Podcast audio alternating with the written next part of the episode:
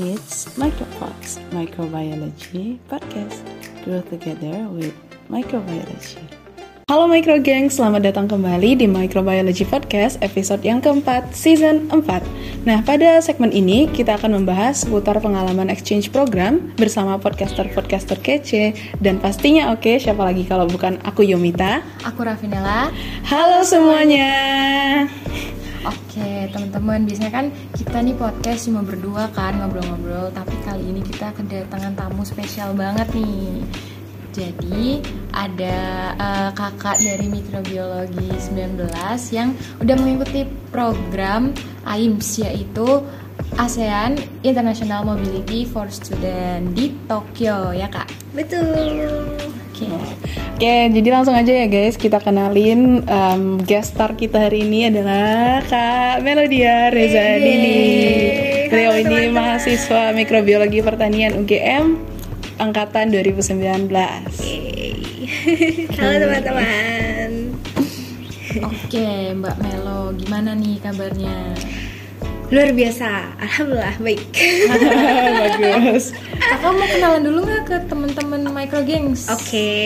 Wah, udah lama banget gak nyapa micropod. Oke, eh, kayak dulu aku kan eh, podcaster juga nih, Oh, FYI ya. Udah lama sih, beberapa tahun yang lalu gitu. Nah, eh, halo teman-teman Micro Gangs, kenalkan nama aku Melo. Nama lengkapnya Melodia Reza Dini, aku angkatan 2019. Terus apa lagi? Alamat rumah? Status. aduh aduh Oke. ya gitu kali ya terus oh kesibukan sekarang gitu ya kesibukanku akhir-akhir ini ya mahasiswa tingkat akhir ya teman-teman jadi udah semester 8 eh, sedang sibuk menjalani skripsi jadi perskripsian duniawi Sibuk banget ya? Iya betul, Be- ya sebenarnya sibuk sibuknya juga sibuk skripsian sih. nah eh, terus juga apalagi ya skripsian, terus aku juga lagi ikut eh, project juga, project IJEM. Teman-teman kalau tahu FYI itu International Genetical Engineer and Machine. Ini aku ada promosi juga ya. Itu jadi kind of uh, lomba, jadi lomba di internasional juga genetical engineering gitu, genetical microbe gitu. Jadi uh, itu selinear juga sama penelitianku. Jadi aku uh, berusaha mengaplikasikan apa sih kayak passionku gitu karena minatku di mikro tuh lebih ke preferensinya di bagian genetik jadi aku emang apa ya uh, coba untuk cari-cari lomba di situ. Nah aku ikut delegates dari UGM juga jadi ikut tim-tim dari UGM nah nanti ini sekarang lagi ongoing nih projectnya jadi kayak uh, PKM gitu loh Oh, kayak PKM research gitu. Ah, terus nanti ada kayak jambor jamborenya gitu di Paris bulan November gitu. nanti kalau teman-teman penasaran liatin Instagramnya aja Oke guys. kayak di promosi nih Dengar tuh Micro Gangs. oke gitu Oke, nice info. Nanti aku mau tahu lagi deh tentang yang itu. Ya, aku juga deh. Kita Perlu ya? di belakang ya. oke Oke. Mungkin sekarang kita langsung aja ya ngobrolin tentang program exchange-nya. Ini pertama nih kak yang aku penasaran banget. Eh, kak Melo nih tahu dari mana sih program ini? Ya? AIMS itu. Mm-mm. Jadi awalnya itu em, sekitar bulan apa ya em, Lebaran tahun lalu sebelum kira-kira pertengahan bulan lah eh pertengahan tahun lah sekitar Mei Ju Mei Juni gitu bener-bener tepat tahun lalu aku eh, itu kan masa-masa online onlinenya nih ya. Kan teman-teman juga mungkin eh, ngerti juga dulu kan eh, angkatanku angkatan online banyak onlinenya. Jadi awal offline terus tiba-tiba online terus Banget. offline lagi. Terus lulus. Rada kaget ya nih. Kayak kaget gitu kan. Nah terus eh, di situ banyak informasi-informasi yang juga banyak yang online juga di share-nya sama akademik gitu kan.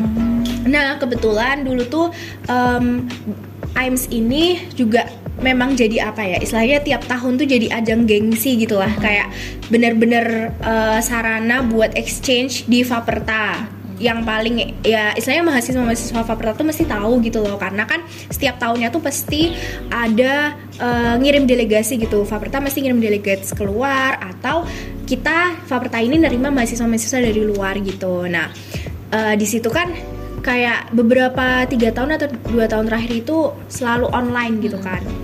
Jadi bener-bener semuanya perkuliahan online terus habis itu juga sistemnya juga online kan jadi kayak agak nggak seru gitu kan ya. Nah kebetulan waktu online itu aku juga kayak ah nggak ah kalau online aku nggak tertarik nih gitu kan. Karena aku udah mantengin nih dari tahun pertama aku udah nandain nih di kalenderku intinya kayak oh bulan ini tuh pasti bulan pendaftaran pendaftaran AIMS gitu. Jadi aku udah harus notice di akademik entah itu nanti informasi dari akademik atau informasi dari IG, IG dari biasanya tuh IG yang sering ngeluarin tuh IG IG akademik Faperta gitu. IG akademik, oh, Heeh, terus atau enggak IG-nya eh, Sosek. Biasanya Sosek tuh malah lebih update nih ya. Maaf ya nyebut wow. prodi. Tapi bener iya, kita nggak memungkiri emang akun IG-nya Sosek tuh lebih update gitu. Kadang ngeluarin kayak info-info gitu. Nah, at the time tahun lalu itu aku lihat storynya temanku anak sosek juga. Nah, jadi kayak aku wah ini AIMS, tapi kok tulisannya kayak aku ragu-ragu nih ini buat sosek atau buat Svaperta gitu loh. Nah, terus iya, terus habis itu aku udah mulai cari-cari tahu kan kayak aku coba tanya-tanya akademik atau coba tanya Miss In- Miss Indri namanya. Nah, kalau teman-teman tahu Miss? Miss Indri itu dulu tuh ngurusin uh, bagian exchange gitu. Jadi dulu tuh aku udah ngepoin tentang AIMS itu tuh sama Miss Indri udah dari tahun pertama se- sejujurnya ya. Kayak aku nanya-nanya Miss Indri kayak Miss sebenarnya syaratnya tuh apa sih gitu kan. Terus uh, harus siapin apa aja gitu. Soalnya kan dulu kontak personnya di exchange dari dulu yang AIMS itu itu pasti Miss Indri. Nah, tapi sekarang kayaknya udah ganti. Sekarang ganti ke Pak Akbar. Itu untuk yang di Faperta atau mikrobiologi? Faperta. Oh, Faperta. Jadi benar-benar se-Faperta gitu. Jadi kayak emang penanggung jawab AIMS dari Faperta itu dulu Miss Indri tapi sekarang udah ganti ke Pak Akbar gitu. Pak Akbar. Nah teman-teman pasti deh, iya nih. Iya, apalagi udah udah dari mikro kan Pak Akbar Iya, kan, benar, jadi benar. malah lebih deket kan teman-teman gitu. Nah, terus aku dulu cari-cari tahu dari Miss Indri, udah cari tahu dari pertama, eh, Miss kira-kira syaratnya apa aja, terus eh, apa mungkin kayak dulu dari dulu tuh aku udah cari-cari cara buat nyiapin kayak skor TOEFL karena batasnya harus 500 kan, aku udah cari-cari itu kayak gitu-gitu kan. Nah, terus akhirnya eh, aku bilang lah ke Miss Indri, eh, akhirnya ya udah aku daftar kan. Coba cari cari cari daftar itu ternyata bener. Uh, aku diajak juga sama Hudi. Oh, kalau teman-teman tahu. iya ya. Hudi angkatan 2019 kan dia juga kemarin ikut AIMS yang bareng sama aku dia ke Korea kan ke JNU nah dulu tuh Hudi ngajakin aku kayak nge-share gitu Melo ayo kita daftar AIMS gitu kan. Karena emang kita tuh kayak bener-bener dari semester awal tuh ayo kita ikut AIMS ayo kita ikut exchange gitu-gitu kan kayak ya istilahnya sesama teman-teman yang bener-bener emang pengen ikut Iya. exchange gitu terus ya udah kita akhirnya eh, tapi aku takut hut karena kayak ah nanti keterima nggak ya? Kayak udah mikir-mikir kayak gitu Oh, dulu gitu iya, loh kan iya. wajar ya teman-teman pasti, pasti kayak Iya, aduh aku takut aduh aku takut gak keterima takut ini mungkin mot- motivation letterku kurang apa gimana gimana atau bahkan ada em, calon-calon yang lain yang lebih Saingan. bisa. Iya bener. Terus ya udah akhirnya aku ya udahlah coba dulu gitu. Karena kan itu masa-masa liburan ya. Masa-masa liburan masa-masa online peralihan dari online ke offline dan orang-orang tuh kayak eh, agak nggak update gitu sama informasi-informasi dari akademik gitu kan. Agak susah nggak kayak sekarang ya teman-teman. Mungkin kalau sekarang kan kayak gampang ah, ada informasi ini gampang gitu. Tapi kalau dulu tuh bener-bener susah gitu. Karena kayak kalau kita nggak update sama HP kalau kita nggak update IG update sama WA akademik apa gimana gitu kita nggak aktif. Misalnya jadi active person tuh kita susah banget heeh. kita susah buat cari informasi terbaru gitu. Ya udah akhirnya aku eh, udahlah Bismillah gitu. Nah ternyata setelah melalui serangkaian eh, seleksi, terus akhirnya keterima gitu. Dan dari awal aku udah pilihnya emang di Tokyo nih, karena emang aku pengen ke Jepang. Oh, Iya, karena aku emang pengen ke Jepang gitu. Jadi yaudahlah, aku eh, cari yang Jepang. Di antara pilihannya, pilihannya tuh FYI ada tiga. Tokyo, Tokyo University of Agriculture and Technology atau TUAT itu terus satunya Ibaraki, Ibaraki University sama yang ketiga tuh GNU di Korea, Yongsan National University. Pilihan Ya. pertama dong berarti Mbak.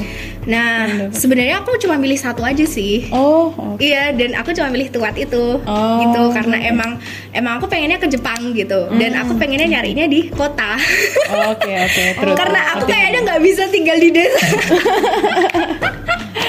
Oke. iya gitu dan emang mungkin kayak di Tokyo walaupun emang agak mahal sih kayak Jakartanya Indonesia gitu ya. Tapi kayak emang di sana lebih gampang dari segi eh, mobilisasi, terus habis itu juga cari ke pusat kotanya kayak Shinjuku, Shibuya kalau teman-teman tahu itu kan juga, ah itu lebih gampang ke reach out gitu loh Iya, daripada ke bener. Ibaraki gitu. Sih. terus ya udah akhirnya aku emang yaudah Bismillah aku mau ke Tokyo gitu. Selain juga karena aku lihat di courses mata pilihannya tuh juga eh apa ya ada yang sesuai sama aku minat juga ada yang selinier lah sama kita kayak plan microbiology itu ada Oh. gitu soalnya di Ibaraki atau di Gyeongsang itu eh, pilihan yang selinier sama prodi kita kayak micro itu tuh nggak nggak apa ya kayak aku nggak nemuin gitu loh. Ada yang sama kayak yang uh, microbiology apa apa kayak gitu tuh nggak ada. Jadi cuma di tuat itu ya udah aku Bismillah lah tuat gitu gitu ceritanya wah aku udah cerita Sih. banyak banget jadi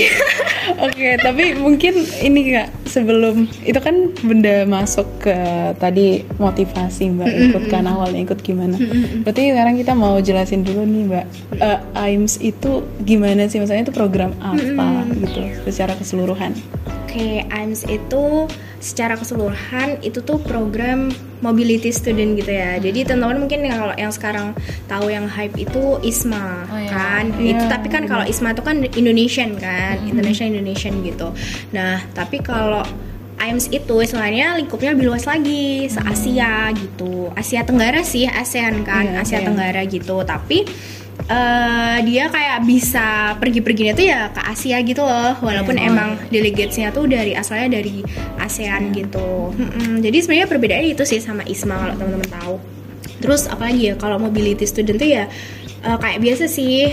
Jadi nanti kita exchange di sana terus kita selayaknya mahasiswa di sana kita belajar kuliah praktikum terus tinggal di sana sehari-hari gimana bertahan hidup terus pergi ke mana terus ya ada wisata-wisata juga sih terus habis itu ada apalagi ya terus kayak field study kayak gitu-gitu terus banget ya. mm-mm. apalagi ya mungkin overall gitu sih kegiatannya mobility Oke. student tuh Gitu ya guys. Jadi AIMS itu ya kurang lebih seperti yang Mbak ini udah ceritain. Um, terus back lagi nih ke Mbak kan tadi udah ceritain per- persiapannya setelah dapat motivasi gitu. Mau tahu dong lebih uh, lebih apa ya? Lebih jelasnya gitu loh satu-satunya persiapannya tuh apa aja sih gitu Mbak? persiapannya. Oke, mungkin aku agak spill kan tadi udah di spill spill gitu ya, kayak sedikit gitu. Um, terus mungkin setelah pertama kita cari-cari informasi tadi kan kita aku, aku udah jelasin yang cari-cari informasinya lewat mana. Mungkin yang sekarang udah tahu ya Pak Akbar ya, note ya. Pak Akbar.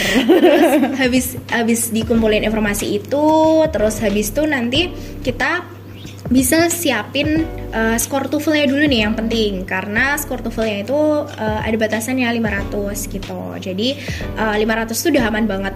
Nanti teman-teman kalau udah bisa sampai 500 ya udah gitu. Apalagi teman-teman udah punya sertifikat uh, TOEFL yang 500 tuh udah aman gitu. Nah, habis sertifikat TOEFL terus motivation letter.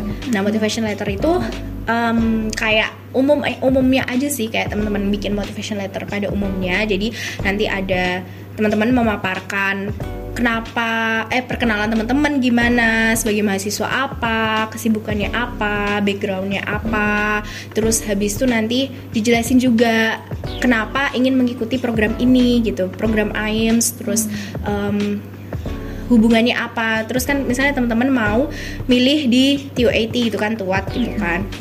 Nah terus eh, kenapa teman-teman mau milih itu? Kenapa di tuat terus misalkan kalau aku kemarin aku cantumin di motlet itu aku ketuat karena aku pertama kayak aku pengen belajar yang plan microbe itu.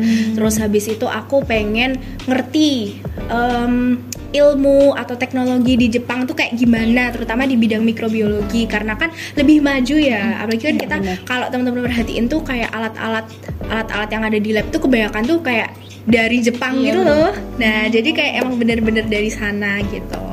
Terus habis itu eh, pengen ngerti juga pertanian di sana tuh gimana gitu kan terus juga nanti bisa dikaitin juga kayak mungkin teman-teman suka budaya Jepang nih pengen tahu apa nih budaya Jepang yang wibu-wibu. Ya kayak gitu-gitu ya kayak wibu-wibu gitu mungkin atau kayak anime-anime gitu atau apa gitu. Nah itu bisa dicantumin di situ gitu. Terus apalagi ya mungkin pengen belajar bahasa Jepang. Dulu aku juga cantumin itu sih kayak aku emang tertarik untuk belajar bahasa Jepang gitu terus apa lagi ya? Mungkin itu sih yang overall untuk di motivation letternya. Terus oh ya aku kasih tahu poin plus lagi teman-teman bisa juga cantumin misalkan teman-teman pengen di supervisor sama profesor atau sensei siapa gitu kan. Biasanya teman-teman udah tahu nih kayak di daftar mata kuliahnya tuh kan udah ada uh, mata kuliah ini senseinya namanya profesor siapa gitu kan. Nah kalau aku kemarin plan micro aku masuk ke labnya plan microbiology. Itu sama Okazaki Sensei. Nah itu aku juga udah tahu tuh dari sebelum berangkat tuh aku udah cari-cari tahu papernya beliau tuh gimana terus juga publikasinya beliau tuh gimana gitu. Dan aku udah nge-email beliau juga gitu. Jadi sebelum berangkat tuh aku udah nge-email beliau kayak aku mau daftar AIMS gitu. Jadi Tapi mbak belum keterima. belum belum. Aku belum keterima. Tapi kayak aku coba aja gitu. Aku coba iseng aja nge email Oh. beliau gitu. Karena kan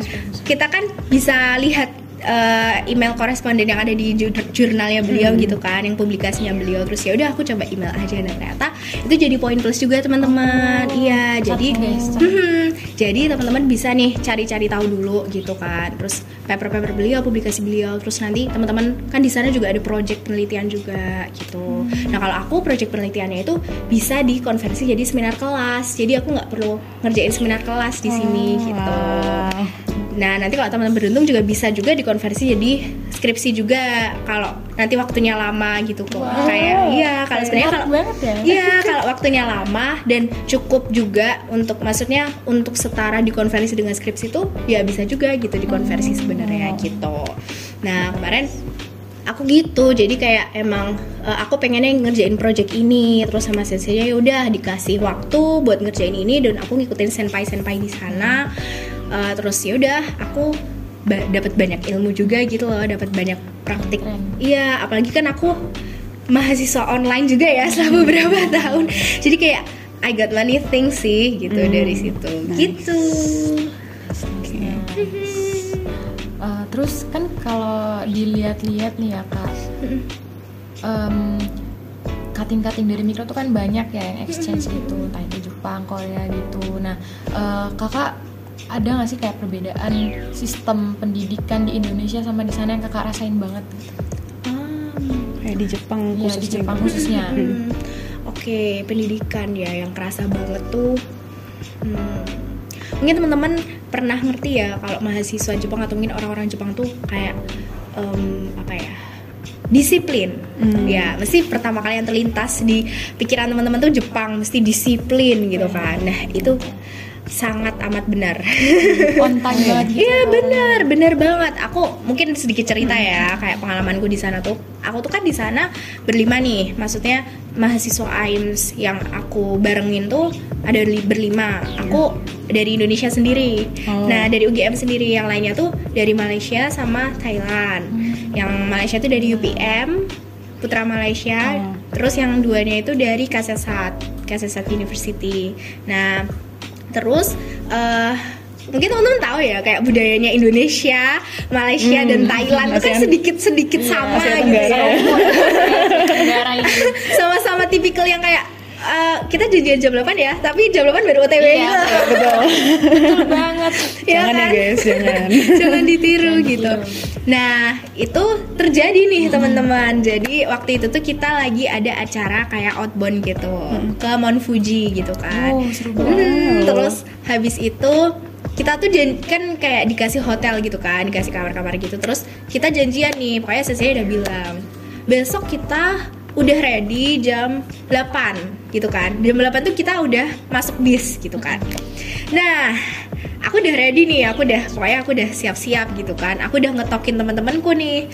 Dan yang Thailand dia udah yang kayak wait wait wait a minute Melo, wait a minute gitu kan. Dia masih kayak dandan gitu-gitu kan. Terus itu padahal udah jam 8 kurang 5 atau jam 8 kurang 10 gitu kan.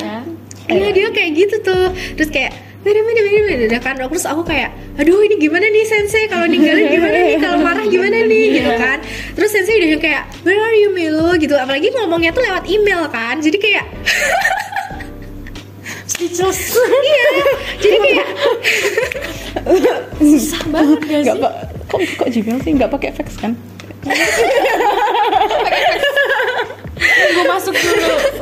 Iya pakai email Gmail? Iya Eh, pakai email. Iya pakai email Soalnya emang kita apa ya maksudnya sensei waktu itu merasa di sana tuh orang-orang kalau nggak pakai email pakainya line dan Oh. line itu tuh dipakainya orang-orang muda Oke, I gitu jadi kayak emang sensei-sensei di sana masih pakai email gitu. Oke. jadi jangan jangan apa ya jangan kaget kalau misalnya emang dosen-dosen di sini ya masih pakai email ya emang karena emang budaya Jepang kayak gitu juga gitu Oh, kan gitu. Jadi Oke. masih banyak yang pakai email gitu. Terus ya udah nih apalagi di antara kita uh, berlima itu kami berlima itu bener-bener yang kayak sangat apa ya fast respon dengan email tuh ya aku doang gitu loh. Kayak yang lainnya tuh Hah, I didn't open it gitu. Jadi kayak mereka nggak nggak ngerti kalau sensei nge-email Iya, gitu iya, kan bener. Notifnya nggak masuk kan? Siapa sih yang ngecek Gmail tiap hari? terus kayak oh I just realized kayak gitu gitulah terus ya udah akhirnya eh, dah tuh teman-teman sama aku sama teman-temanku yang, Thailand nih udah ready kan udah ke bawah. Ternyata yang Malaysia nih belum ada gitu. Soalnya aku ketok-ketok pun juga no answer gitu kan. Terus habis itu ya udah akhirnya aku eh, akhirnya semua tuh pada nelpon itu entah sensei entah aku semuanya pada nelponin sampai senseinya tuh bener-bener ngedorin di depan pintu. Ya Aduh. jadi itu kita udah telat berapa menit sampai 20 sampai 30 menit gitu. Dan orang orang-orang Malaysia tuh baru datang terus kayak sorry sorry dah gitu dong. Kalau di sini normal mungkin ya. Kayak kita kayak di sini normal gitu kan. 30 terus kayak ya. orang-orang di sini tuh kayak hmm, kayak don't care gitu loh. Kayak udah bodo amat gitu. Ya udah.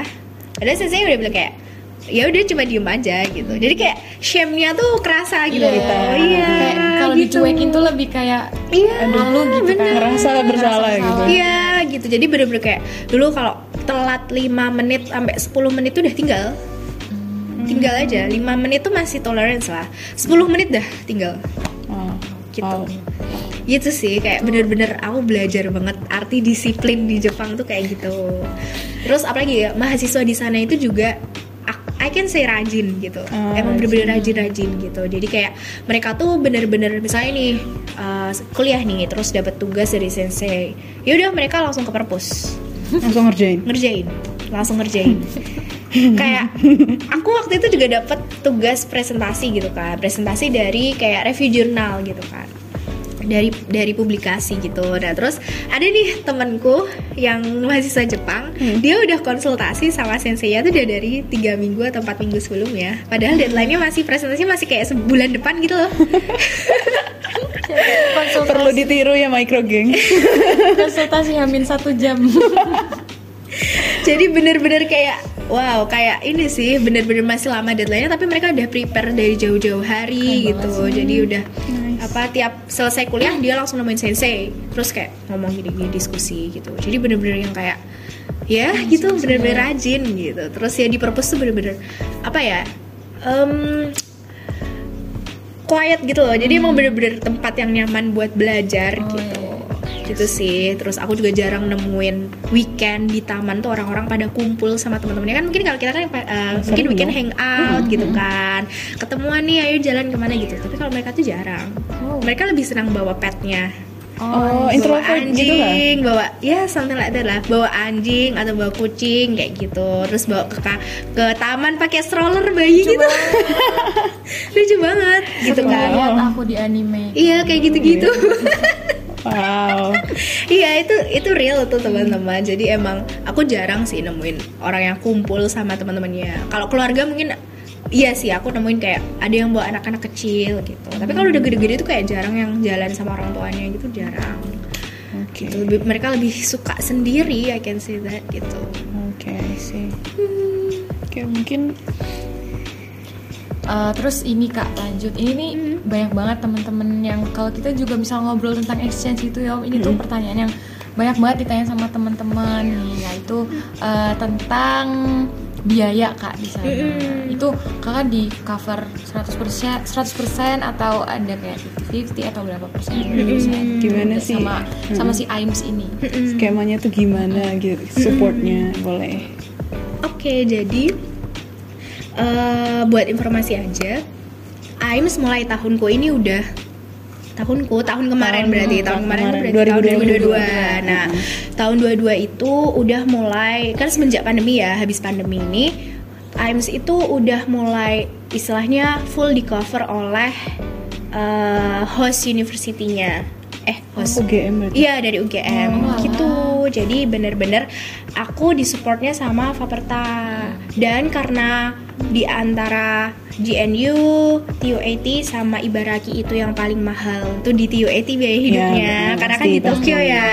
Mm. Jadi aku dikasih cover partial funded. Jadi semuanya itu partial funded tapi uh, partial fundednya beda-beda gitu loh tergantung kebutuhan gitu. Jadi bener-bener setengah. Nah kalau aku kemarin dikasihnya 20 juta dari fakultas langsung in cash gitu di awal. Partial berarti 50%. Iya 50 persennya karena kan eh, kenapa mereka kenapa dosen-dosen atau eh, akademik di Faperta tuh ngasihnya 20 juta karena berdasarkan dari pengalaman yang tahun-tahun lalu ke eh, biaya hidup di Tokyo tuh sekitar ya sekitar 40 jutaan lah itu kayak versi hemat Hemat banget gitu ya. Iya versi ya. hemat tuh sekitar segitu sekit untuk 3 sampai 4 bulan. Oh. Ya, itu udah segitu. Nah, terus aku dulu di cover setengahnya kan, berarti 20 jutaan gitu. Nah, terus sebenarnya tuh teman-teman kalau teman-teman mau hemat, maksudnya di sana masak, terus habis itu juga em, apa ya?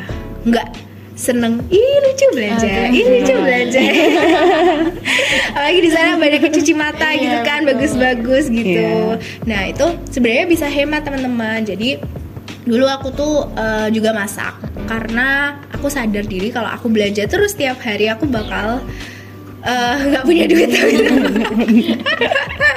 gitu jadi emang ya udah aku masak terus dulu aku dapat perabotan juga dari mahasiswa PPI yang ada di TU TUAT ya Oh, persatuan. Persatuan ya Pelajar Indonesia Oh, oke. kalau nggak salah Iya, singkatannya iya, iya, iya, itu ya, yang Iya, pokoknya itu. Indonesian. Mm-mm, Oke. jadi kayak emang ada gitu kan PPI-nya di TU8 itu ada nah terus aku dulu banyak dibantu sama mbak-mbaknya nih mbak-mbak mas-masnya jadi kayak dikasih perabotan-perabotan yang nggak dipakai Oh, kayak vacuum cleaner terus panci kayak gitu itu kan bisa buat masak tuh. Iya, benar-benar.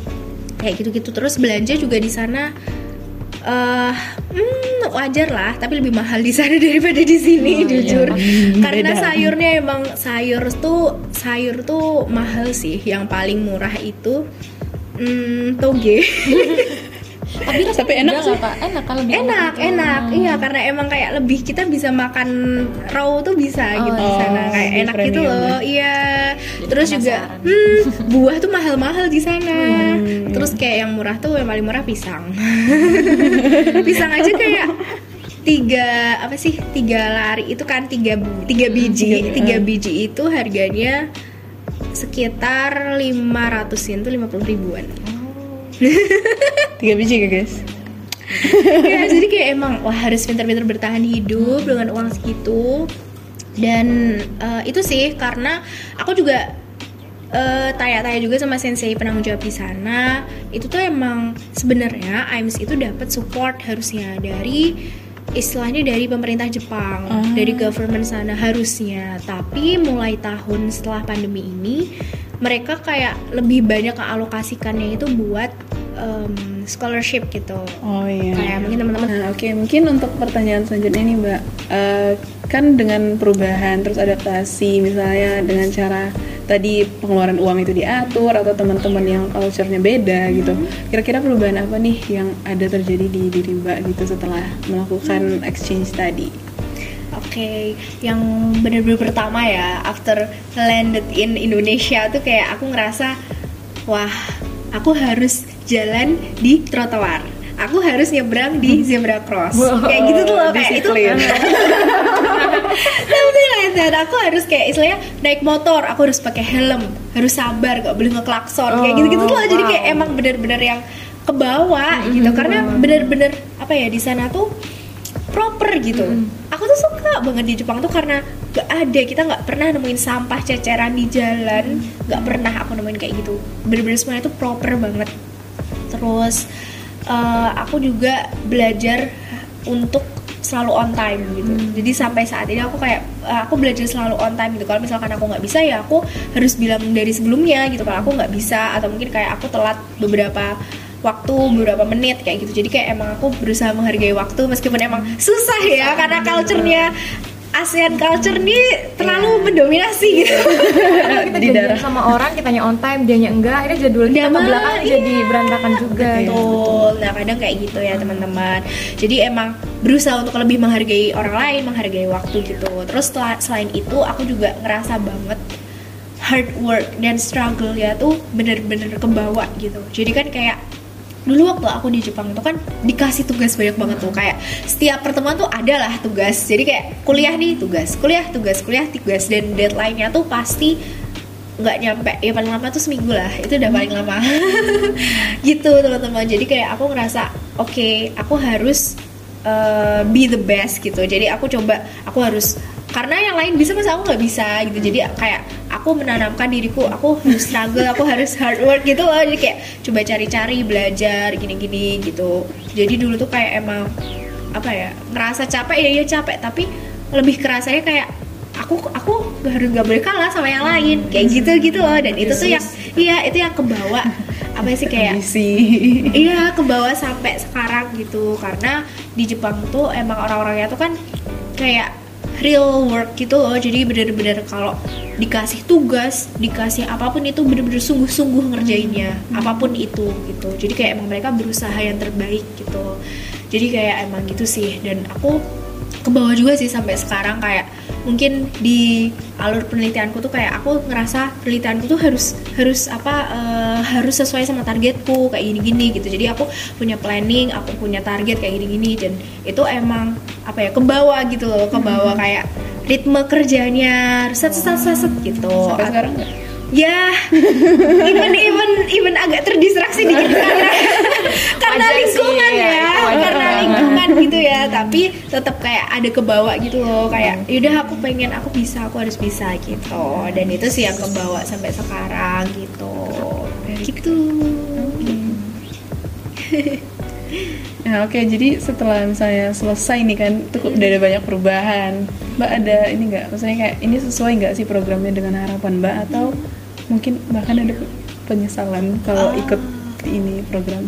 Oke, jadi kalau menurutku ya, aku lebih banyak ke wah alhamdulillah ya sih, lebih banyak bersyukurnya oke, sih, nice. karena Oh, gitu. karena aku yang pertama aku dapet relasi banyak banget, jujur ini banyak banget dari teman-teman foreigner gitu, entah itu dari sensei, senpai atau eh, teman-teman yang lain di sana, dari teman-teman AIMS sesama AIMS kayak yang dari Thailand itu, terus yang dari Malaysia itu, bahkan sampai sekarang aku masih sering kontak-kontakan sama mereka, kayak sering nanya-nanya kabar, terus kayak sering kapan mau ke Indonesia, kapan mau ke Jepang, kayak gitu-gitu tuh. Loh. Terus habis itu sama, masih sempat zooman kemarin kapan tuh aku zooman sama mereka juga, Oh, seru sempat email-emailan juga sama senseinya, kayak ngabar-ngabarin juga gitu. Terus kan soalnya bentar lagi nih bakal ada mahasiswa AIMS yang datang nih ke teman-teman bulan November. Oh, game buddy udah buka juga Iya. itu loh yang jadi buddy itu jadi kayak kita nemenin mereka anak-anak Nah. kecil gitu Iya, Menarik dan sekali. ya betul. Nah, salah satu benefitnya teman-teman ikut AIMS juga nanti teman-teman bakal jadi badinya mereka juga gitu. Jadi nanti aku juga bakal jadi badinya orang-orang yang akan datang nih nanti nih ya tahun ini gitu. Dan ternyata orang-orang yang akan datang ini ada juga yang dari TUAT gitu. Jadi kayak nice. wah, finally I can meet meet him Tukeran again gitu. gitu Jadi ya. kayak aku bisa ketemu sama mereka lagi, terus juga bisa main-main. Malah mereka malah gantian gitu kan. Dulu aku di sana iya, di sebagai tamu dan mereka jadi badiku. Iya. Terus habis itu sekarang mereka ke sini dan aku jadi bani mereka gitu. Oh. Jadi kayak bener-bener cultural exchange gitu.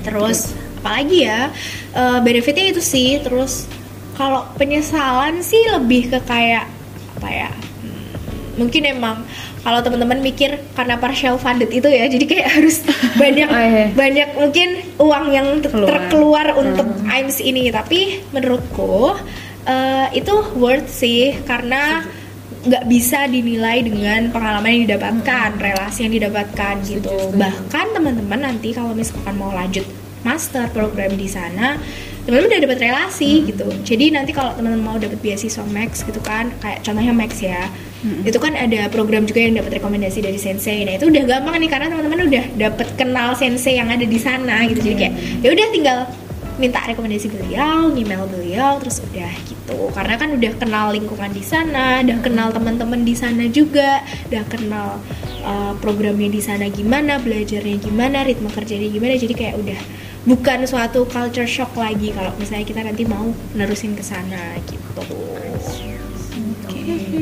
Pertanyaan terakhir nih kak, jadi menurut kakak nih uh, program exchange kayak gini tuh uh, berpengaruh gak sih ke akademik? Soalnya kan kayak uh, orang-orang tuh kalau mikir mikir kalau misalnya ikut exchange tuh, aduh nanti aku telat lulus gitu-gitu. Kakak pernah kepikiran gitu nggak? Hmm. Good question.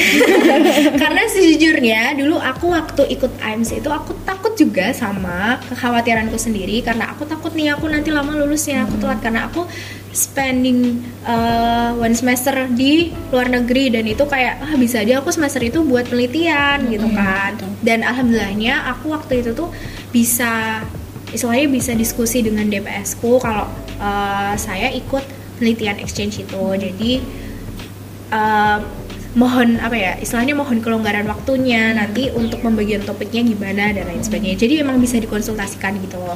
Dan um, selama aku exchange kemarin alhamdulillahnya pembagian topiknya tuh juga nggak waktu itu gitu loh teman-teman. Jadi pembagian topiknya yang angkatanku tuh malah di akhir-akhir aku mau pulang jadi sekitar bulan November Desember gitu loh. Jadi aku alhamdulillahnya benar-benar aku pulang aku bisa langsung ngajuin nge-lab gitu. Jadi aku dulu alhamdulillahnya juga bisa langsung masuk lab dan aku langsung kerja penelitian dari di bulan dari bulan Januari itu sampai sekarang gitu.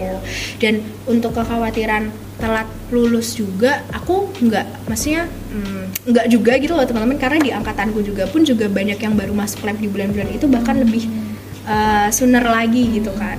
Dan aku ngerasa kayak ya um, bisa dikejar lah gitu. Karena kita juga proyek penelitian kita kan dengan mahasiswa lain kan beda-beda. Dan kalau aku kan juga ngerjain di bidangku kan bidang molekuler jadi kayak bisa lah maksudnya bisa dikejar juga karena asal udah dapat target dan udah dapat hasil gitu tuh bisa gitu. Terus kalau akademiknya aku juga nggak nyesel ya karena bisa dikonversi seminar kelasnya. Oh, jadi jelasin ya. jadi aku nggak perlu ngerjain seminar kelas lagi uh, setelah AIMS itu gitu. Jadi aku tinggal bener-bener tinggal fokus skripsi aja gitu. Oh, tuh konversinya kayak gitu. Oh. konversi gitu. Jadi bisa dikomunikasikan ke uh, kaprodi gitu. Itu teman-teman. Beneran itu kalau kalau konversinya tuh beneran kita bicarain bincangkan ke kaprodi atau udah ada sistem yang langsung gitu? Bu? Eh, Oke, jadi sebenarnya kalau sistem langsungnya tuh em, tetap harus jalurnya tetap harus ke kaprodi dulu gitu loh. Oh. Dan sebenarnya tuh emang bisa kalau teman-teman tanpa apa ya? em, kalau dari pengalaman-pengalaman sebelumnya kan bisa, jadi pasti teman-teman bisa gitu. Bahkan yang MBKM MBKM sekarang juga kan banyak yang bisa dikonversi-konversikan.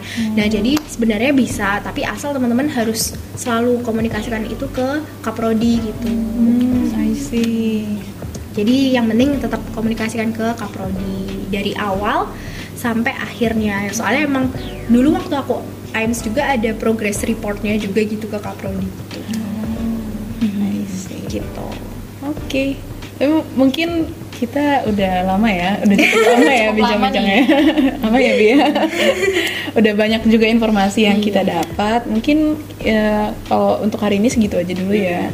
Oke. Sebelum kita tutup nih, Kak Melo ada nggak sepatah dua patah kata yang mau diberikan buat teman-teman yang eh, penasaran dan apa tertarik sama AIMS ini? Gitu. Oke, apa ya? Barangkali bisa memotivasi teman-teman. Iya. Oke. Gambate aja sih. Gambate. Gambate. wow. Gitu. Oke. Sepatah kata. Literally sepatah. Literally ya guys.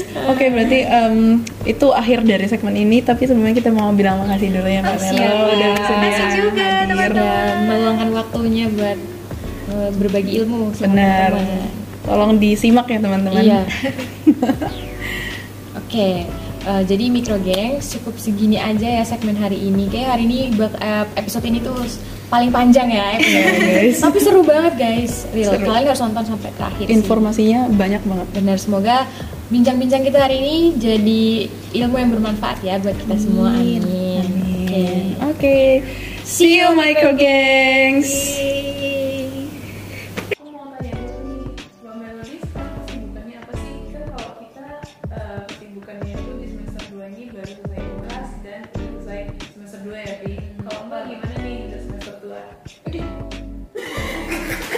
Agak sensitif tiga Nah, mungkin untuk pertanyaan selanjutnya nih Mbak, kira-kira kan eh, berdasarkan yang Mbak bilang udah banyak adaptasi yang terjadi, terus berdasarkan teman-teman kayak dari teman-teman atau mungkin secara kayak luar itu tadi. Nah perubahan apa sih yang setelah Mbak selesai CC ini, Mbak rasa itu ada di diri Mbak gitu kayak ada perubahan apa? Jadi yang bener-bener aku rasain. Apa ya? Baru mau tanya. Saya tak ulang